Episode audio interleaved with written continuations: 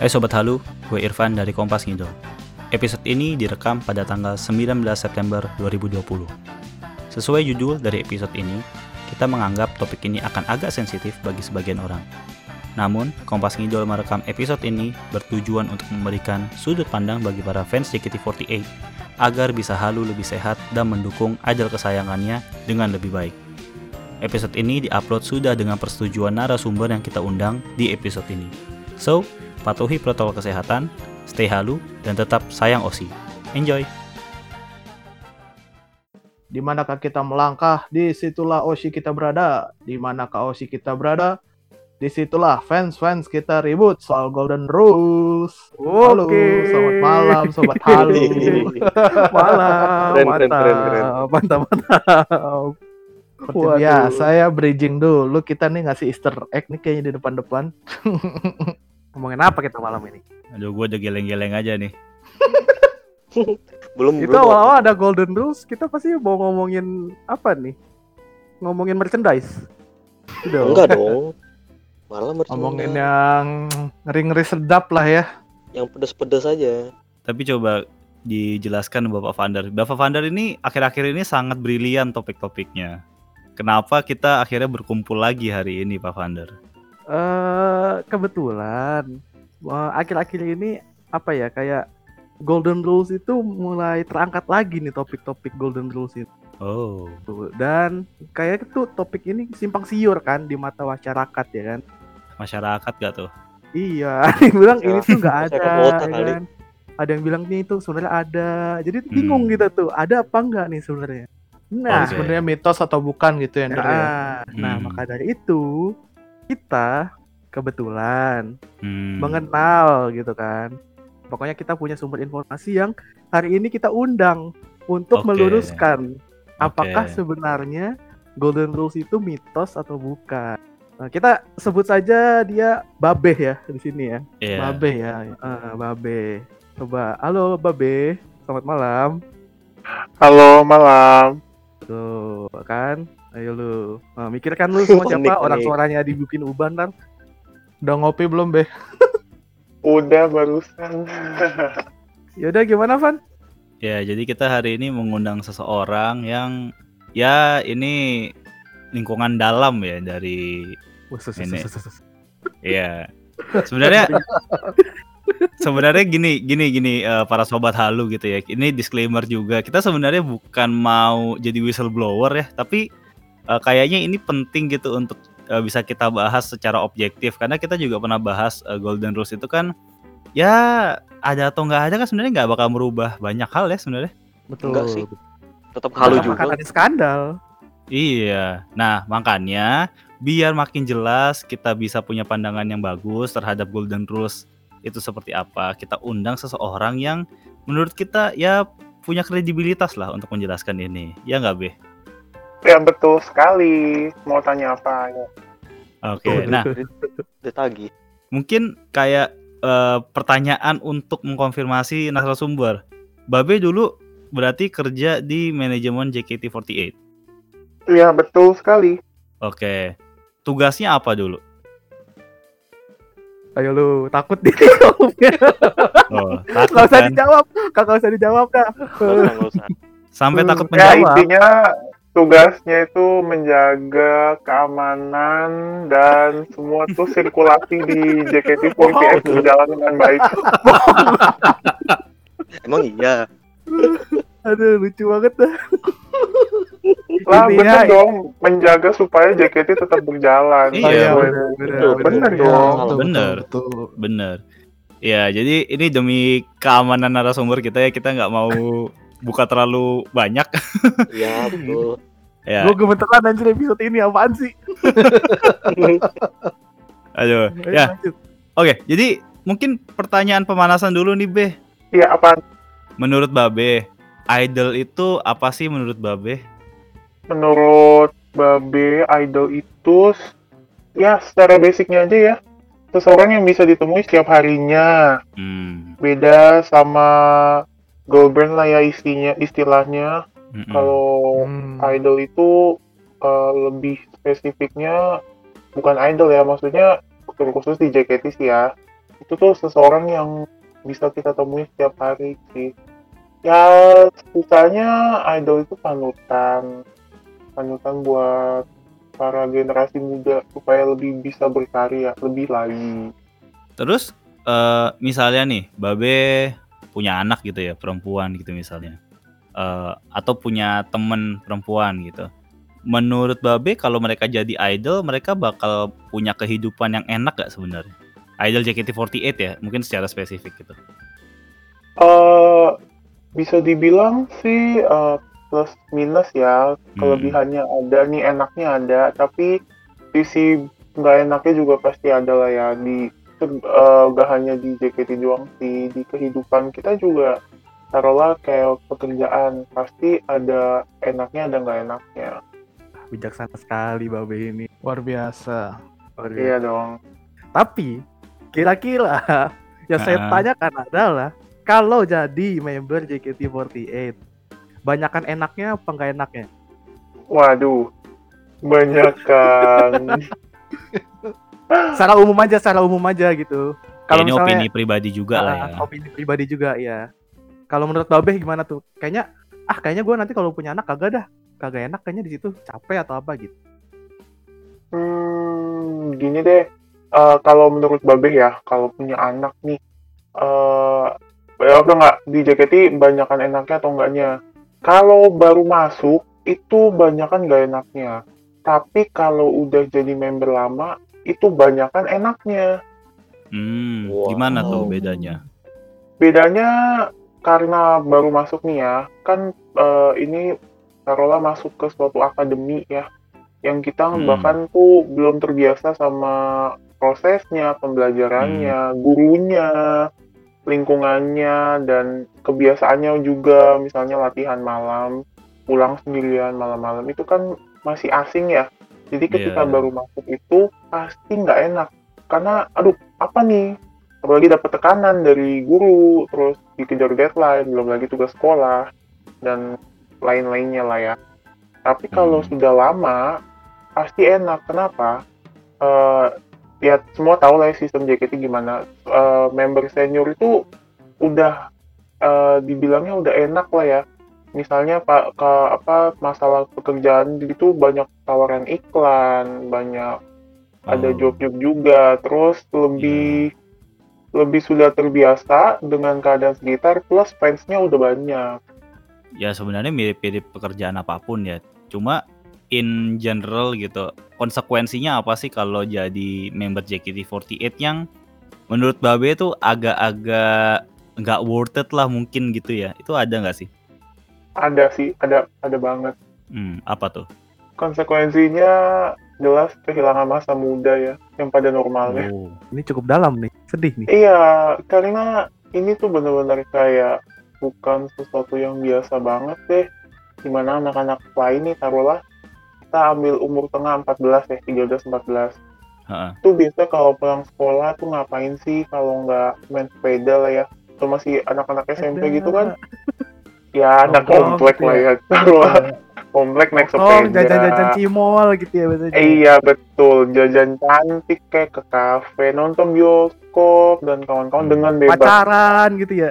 betul sekali nah tapi kan kalau udah masuk situ beda ya pulang sekolah itu ya hitung-hitung punya waktu sebentar terus nggak lama langsung latihan dan terlebih lagi kalau ada event itu lebih tough lagi latihannya lebih padat Ah.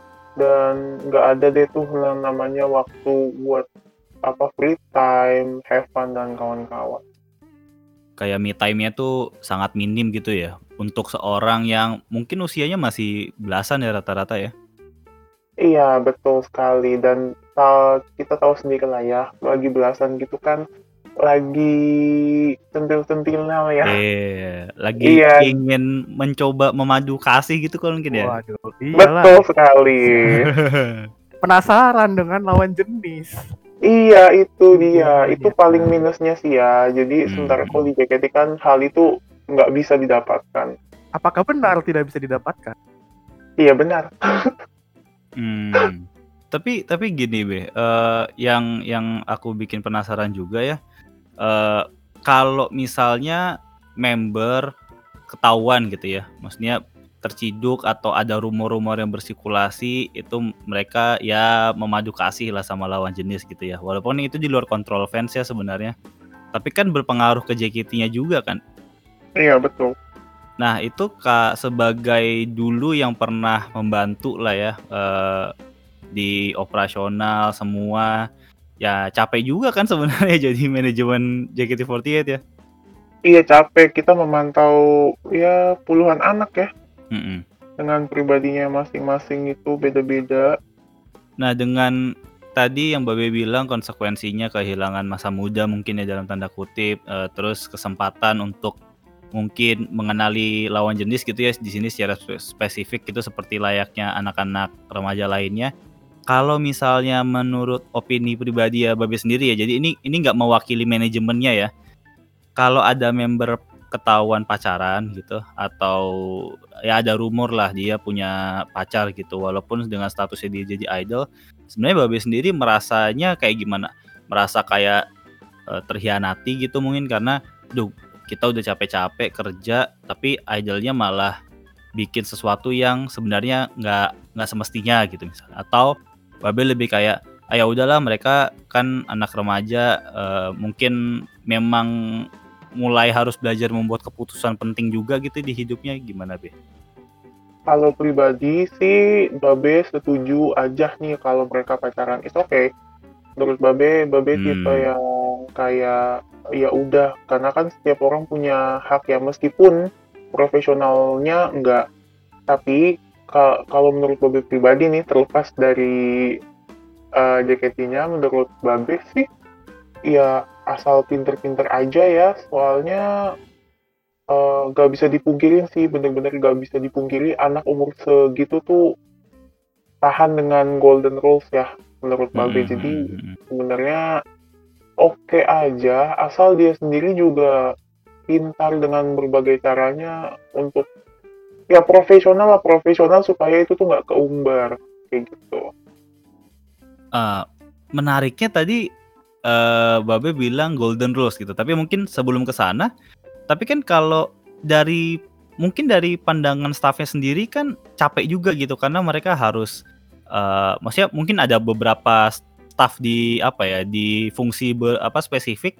Pusing gitu mungkin kalau ada ketahuan membernya pacaran. Kan bingung ya cara cara nanganin fansnya gimana rumor yang bersirkulasi gimana itu apa nggak kesel juga jujur sebenarnya kesel sih karena ya karena ya memang kita juga taruhlah memelihara ya sampai Hmm. modal mereka berkembang kita support segala macam kebutuhannya juga untuk berkembang Mm-mm. tapi ya begitu gitu kan ya tapi Namanya anak kecil, anak muda ya. Iya. Nah kalau masalah kesel enggaknya ya kalau cara staff mungkin kesel. Dan memang kebi- eh, kebijakannya ada macam-macam sih. Maksudnya kita Oh. nggak tutup nggak tutup mata nih. Kayak dibiarin bodo amat. Tetap kita juga memantau eh, keadaan di publik itu bagaimana rumor Oke. macam apa yang keluar atau mungkin eh, amit-amit ada skandal apa yang keluar itu kita tetap pantau. Dan memang kita tindak juga nih kalau memang kita tahu Mm-mm. misalnya ketahuan itu kita langsung rembukan nih eh, secara Hmm. internal ya secara internal kita rembukan dan memang kita memikirkan banget nih caranya bagaimana eh, supaya eh, damai di kedua belah pihak baik defense maupun di Ah. bagian eh, staffnya juga dan membernya jadi Oke. kita tetap memantau dan menindak serta memikirkan cara supaya nggak jadi eh, sesuatu yang wow banget ataupun bumerang lah buat kita gitu. Hmm, oke. Jadi j- sebenarnya ya bikin pusing juga tapi ya itu manusiawi gitu ya. Jadi kayak apa ya? Ada ada ironi, ada dilema gitu ya di situ ya. Iya betul sih. Sebenarnya ini dilema banget. Tadi Babe bilang mention juga golden rules gitu. Mungkin kita kita bikin bertingkat gitu ya eh, untuk mengenali golden rules ini sendiri. Sepengetahuan Babe, golden rules itu ada atau tidak di dunia ini gitu di manajemen JKT48 itu sendiri. Ada, Ada. Ada. Ada. Wah, langsung tegas gitu. Ada. Oke, ini ini kayak pembahasan kita di episode episode 8 ya. Oke ada, tertulis atau tidak tertulis? Tidak tertulis. Tidak tertulis. Tiap lisan. Oke. Oh, berarti tidak ada di dalam kontrak gitu ya. Maksudnya ketika dia jadi member kan biasa ada kontrak tuh. Di situ nggak ada poin kalian nggak boleh pacaran gitu nggak ada ya. Nggak ada, lebih ke briefing sih palingan.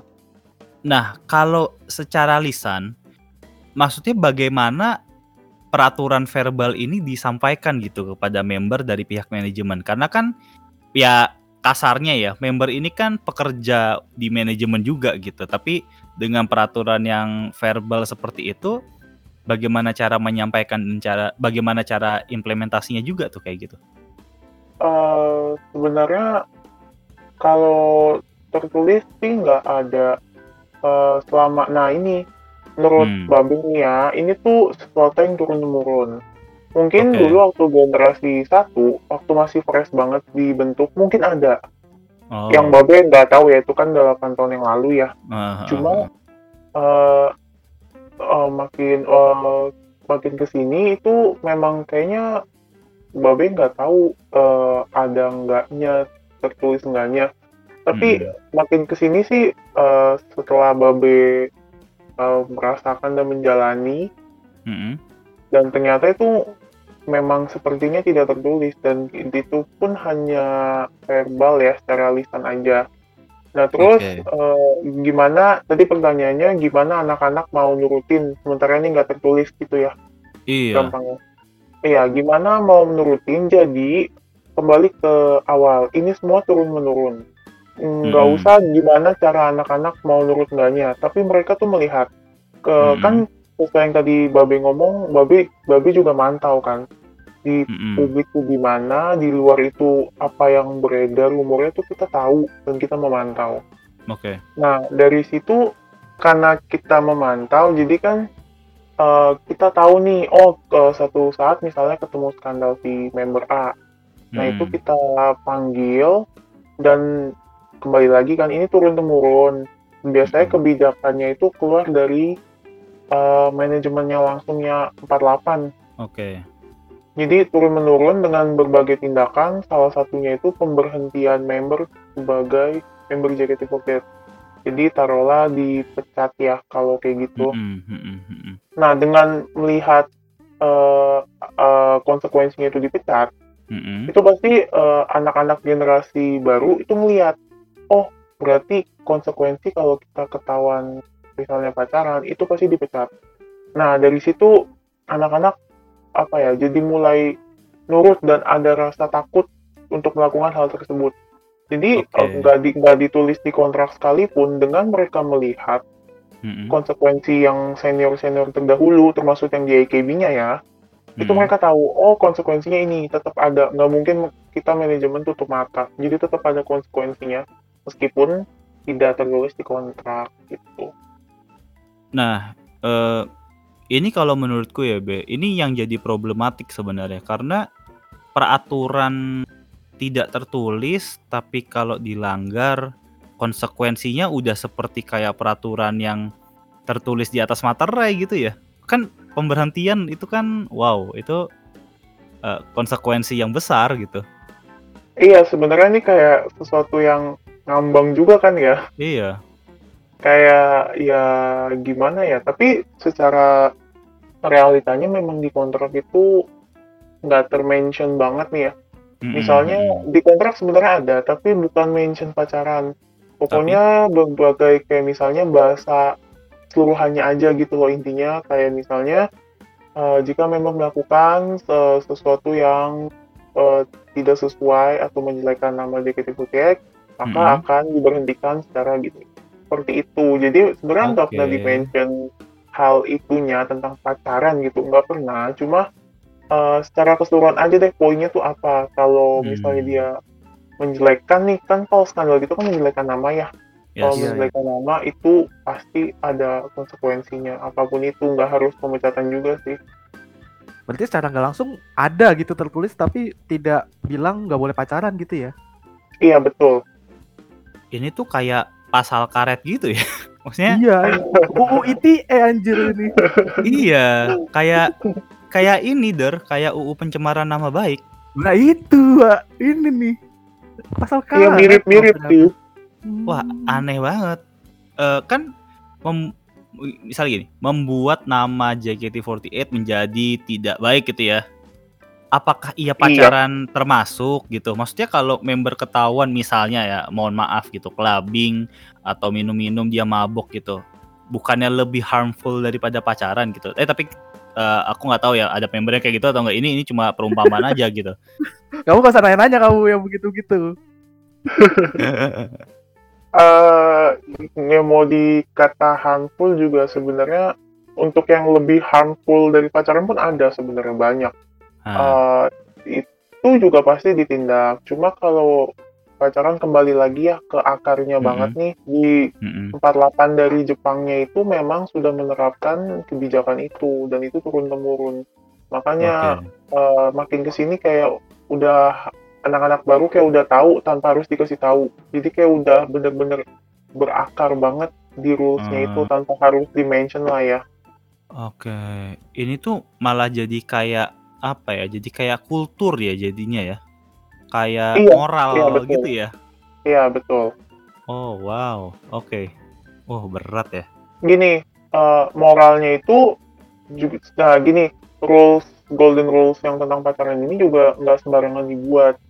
Kenapa? Hmm. Karena kita punya pengertian sendiri JKT eh, apa grup 48 itu punya pengertian kalau idol sistem idol mereka itu Mm-mm, artinya eh, idol yang bisa ditemuin tiap hari. betul. Itu sebab itu menyebabkan kepemilikan lah ya jatuhnya kalau Hmm. idol ini tuh punya fans gitu. Kita bertumbuh berkembang bersama fans.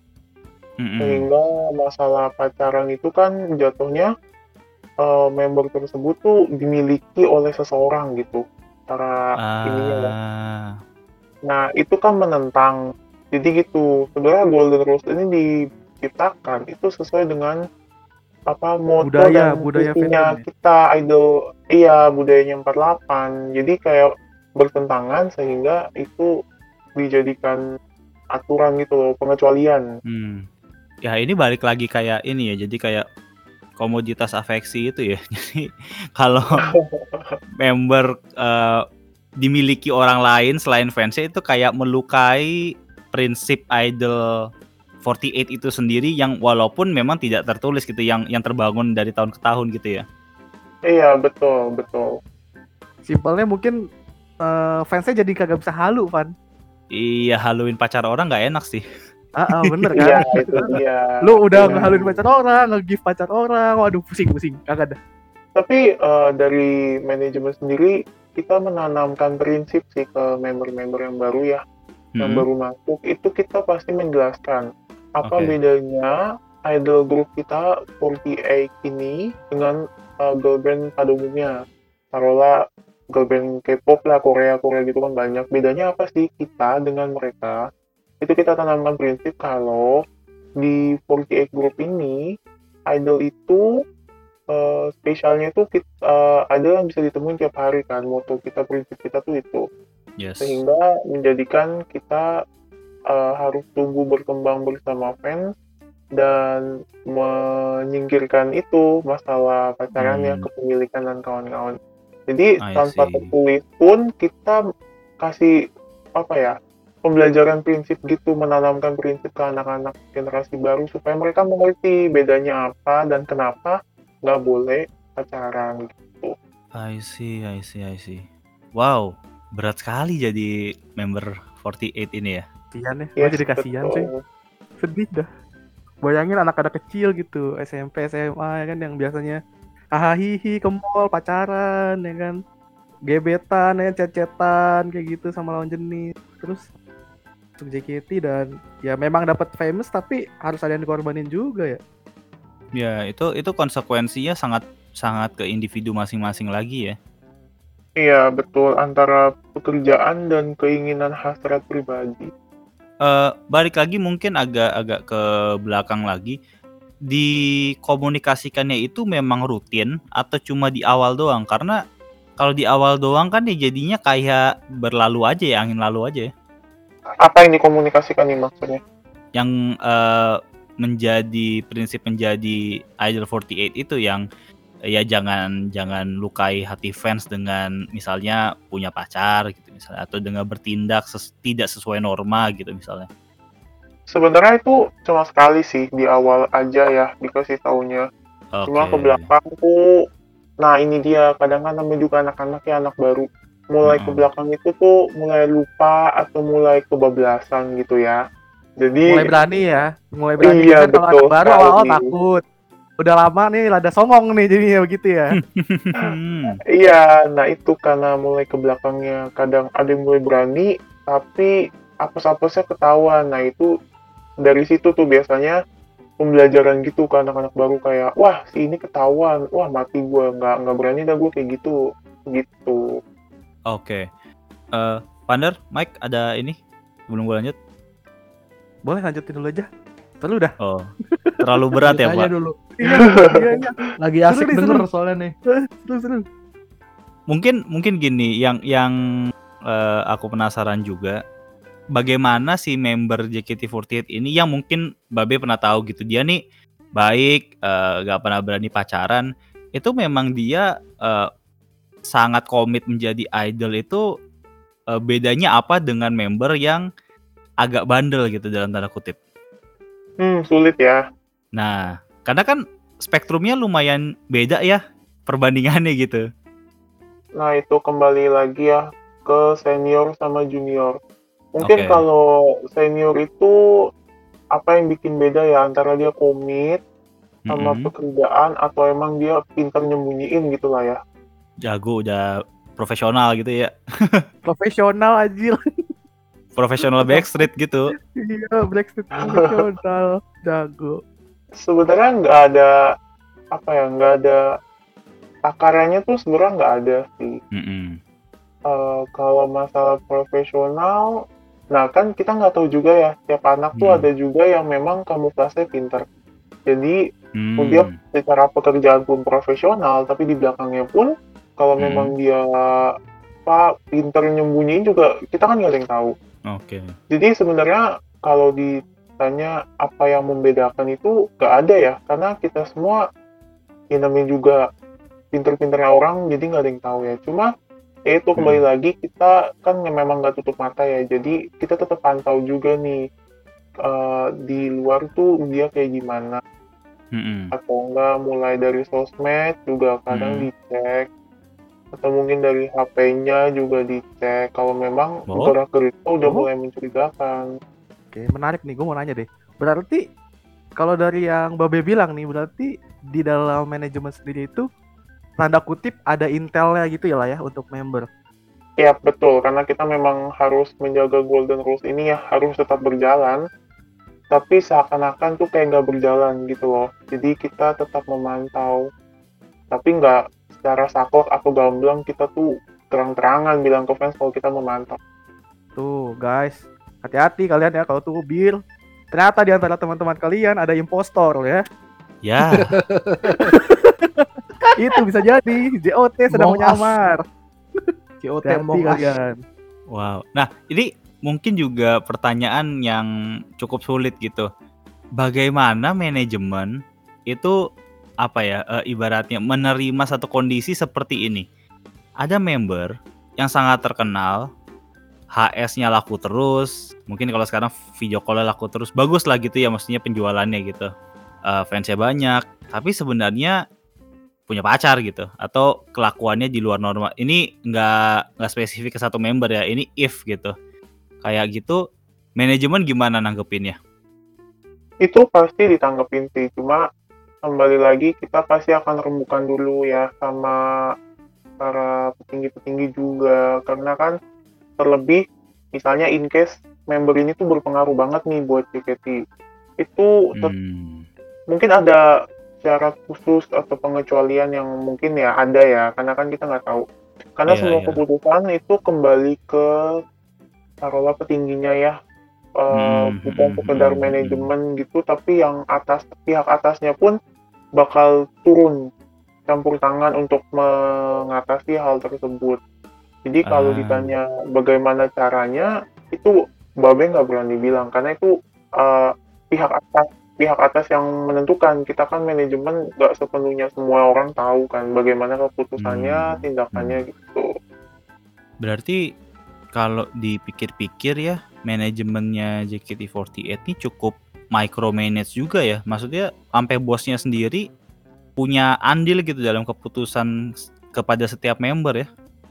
oh tentu karena ini layaknya bapak dan anak ya jadi bapaknya pun peduli sama anak Oke, oke, oke.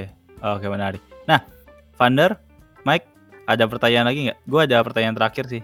Ini udah mau Gua nih. ada sih nih pertanyaan nih. Oke. Wah nih, gue demen nih. Babe takut Enggak diapa-apain Kok jadi babeh yang takut ya? Beh, kan kalau eh 48 Group itu kan selalu mewakilkan budaya Jepangan gitu ya, Be ya. Kalau misalkan nih, Beh, eh idol eh, apa member nih, member JKT48 nih suka nih ternyata ngidol salah satu idola gitu kan misalkan yang Korea-Koreaan. Sebenarnya sebenarnya di Golden Rules itu ada nggak sih aturannya? Nggak boleh ngidol ke Koreaan gitu loh. Gitu sih Beh kira-kira gimana? Secara peraturan tertulis tidak ada. Nggak ada. Tapi tidak ada. kita lebih ke verbal ya. Ya lebih Hmm. ke pemahaman aja sih ke anak-anaknya. Kalau eh sebenarnya it's okay kalau mereka ngefans itu is okay tapi lebih baik tidak ditunjukkan di publik. Kenapa? Karena status dia itu sebagai idol JKT48 tetap dia tuh memegang status member memegang brand taruh branding ya kita ya. Jadi eh, lebih ke pemahaman ke anak-anaknya. Is okay kalau mau ngefans sama siapa pun boleh banget tapi lebih baik tidak ditunjukkan di publik. Karena kita itu kita sendiri itu brand JKT48 ada nilai jual juga di grup kita. Jadi hal kayak gitu lebih baik jadi kesenangan pribadi saja seperti itu. Hmm, berarti kalau sebatas kayak cover-cover bikin video dance cover gitu eh, dilarang nggak sih sebenarnya gitu? Kalau bikin dance cover enggak sih sebenarnya. Karena kan itu lebih ke skill juga ya. Jadi kan kita apa mereka seperti menunjukkan ke publik kalau hey guys gue bisa dance gitu. Dance kayak gini tuh bisa. Kalau Hmm. kecuali tuh eh, yang nggak boleh ya misalnya itu kayak dia eh, publikasi nih di sosial media. Besok mau nonton konsernya misalnya siapa? Kita sebut BTS Blackpink gitu. ya iya gitu kayak eh gua besok mau nonton konser ini nggak lu nggak sabaran nih gini, gini sementara besok itu ada teater misalnya jadwal teater tim apa. Hmm. itu kan kayak posisinya nggak mendukung ya. Itu kan eh, seperti memberi contoh kalau bahkan dia sendiri nggak mendukung teater tim lain gitu. Nah hal seperti itu tidak dibolehkan sih. Oh. cuma kalau memang kesenangan pribadi boleh banget. Oke, berarti ini kalau dipikir-pikir ya jadi member JKT48 itu susah-susah gampang ya karena mau profesional tapi juga kepekaannya tuh harus sangat tinggi gitu ya terhadap lingkungan fansnya juga, terhadap apa yang terjadi di luar sana juga, rumor-rumor yang bersirkulasi juga. itu dia makanya kan sudah seperti yang saya yang Babe bilang kalau kita tuh benar-benar ngurus mereka dari nol sampai mereka tuh profesional dari yang nggak tahu apa-apa misal tentang branding tentang menjaga apa menjaga image cara Hmm, mereka apa sih entertain seseorang itu tuh kita ajarkan Nah, B, ini pertanyaan terakhir, B. Karena Babe juga punya andil gitu ya dalam eh, memberikan ilmu-ilmu, membangun image, membangun skill dari si member-member JKT48 ini eh, dan menyadari juga konsekuensi kalau member itu bertindak sesuatu hal yang tidak diharapkan fans itu juga melukai dari manajemen itu sendiri. Menurut Babe sendiri, Golden Rules harusnya tertulis atau tidak? sulit kali Iya, nggak apa-apa, opini pribadi aja, Be. Pribadi ya ini terlep eh, sebagai babe yang staff juga atau pribadinya Babe pandangan sendiri nih, Pandangan sendiri, aja. Heeh. sendiri ditulis sih harusnya. Tulis ya. Iya, pertama kan yang kita terima kebanyakan juga anak-anak kecil ya. Dan Iya. itu mereka belum tentu tahu sistem agensi kayak kita. Jadi baiknya sih harusnya ditulis supaya serinci apa pun Iya, tuh iya. mereka mengerti. Oh, aku nggak boleh ini. Oh, aku nggak boleh ini seperti itu. Mungkin biar orang tuanya juga bisa bantu kali ya. Kalau orang tuanya bisa baca juga bisa bantuin ngejelasin ke anaknya. Iya betul sekali itu juga paling penting sih peran orang tua. Jadi orang tuanya tahu. Oh, ada rules seperti ini. Tuh. Iya, jadi gitu ya teman-teman, sobat halu. Golden Rules itu ya kayak Ada. ada, Ada cuman apa ya? kayak ya harus ada. diimani masing-masing gitu loh. iya nggak? Betul, itu seperti Tuhan. Tidak terlihat tapi ada. Iya. Mantap Iya. mantap nih. Demen nih begini nih. Ada, tapi harus diimani memang. Heeh, betul. Kalau imannya nggak kuat, ya berarti bukan di situ gitu ya jalurnya. Betul sekali. Berarti yang omongan fans yang bilang kalau Golden Rules itu yang bilang fans sendiri itu sebenarnya salah ya. Sebenarnya dari manajemen pun bilang ada sebenarnya gitu ya. Iya ada, tapi memang nggak diumbar-umbar secara tertulis. Kita lebih ke verbal dan pemahaman. Prin. Ini episode terberat ya, kayak paling serius dari Kompas Ngidol biasanya. Aduh, biasanya melawak tidak lucu. Jayus berbahaya. Aduh. Oke, ya Babe, terima kasih atas waktunya hari ini. Ini wow, informasinya kita juga masih mencerna nih sudah ada Golden Rules itu.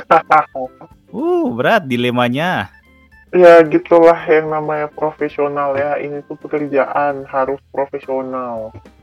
Yes, betul betul. Dan kalian juga para fans juga bukan profesional sih sebagai fans tapi considerate lah. Considerate itu bahasa Indonesia apa ya? Memaklumi, memikirkan. Memaklumi, memikirkan bahwa Ya, kita ini sama-sama betul. manusia. Oke, jadi gimana Bapak Mike? Cukup ya hari ini? Ini kepala Cukup udah pusing juga ya kayaknya. ya. Nih, Aduh. Babe kita rekrut aja nih jadi member kelima nih seru nih. Iya. Waduh. Kalau setuju sawer. Kalau nggak ada sawer, kalau nggak ada sawer kita nggak mau nih informasi dari Babe lagi. Males sih. Jangan lupa link sawer udah di kita pin di tweet ya. Ini informasi yang tidak bisa kalian dapatkan di mana pun. Ya, oke. Jadi Mike, gimana? Kita tutup saja? Ya, closing aja. Lu aja deh, Van, closing hari ini. Ya, oke. Jadi begitu sobat halu, ya kalian harus sama-sama mengerti ya. Jadi jadi fans JKT48 juga harus tahu konsekuensinya karena idol kalian juga ya tahu juga konsekuensinya seperti apa. Jadi sekali lagi jangan banyak tubir dan ya considerate lah memaklumi. Bukan begitu, Bapak Vander? Idol itu, Golden Rules itu seperti Tuhan, ya guys. Dia tidak terlihat tapi harus diiman. Oke, jadi sekian dulu episode kali ini, episode terberat dari Kompas Ngidol. Jadi kalau kalian kangen kita yang lawak-lawak jayus tidak lucu ya dengerin episode lain aja, oke? Thank you Babe. Thank you, thank you guys. Jangan lupa dengerin kita ya di Spotify atau Anchor, episode-episode kita yang lain yang mungkin lebih menghibur. Iya, betul sekali. Dan kalau ada kalian mau isu-isu yang dibahas atau kalian ada mau topik yang ya menurut kalian patut kita dalami, mention-mention aja di Alt Kompas Ngidol di Twitter. Jadi saya Irfan pamit. Pamit. cabut. Rio hilang. Ya ampun, lu apa-apa. aja. Halo? Rio hilang. Iya. Lagi denger lagi Ah. dengerin aja gue dari tadi. Ya ampun, Ya, pamit pamitan dong. yo. Oke ya, Serio pamit. Saksikan di episode berikutnya karena Rio akan diganti oleh Babe. Bye-bye. Ya, bye. Semangat Anin. Kok Anin?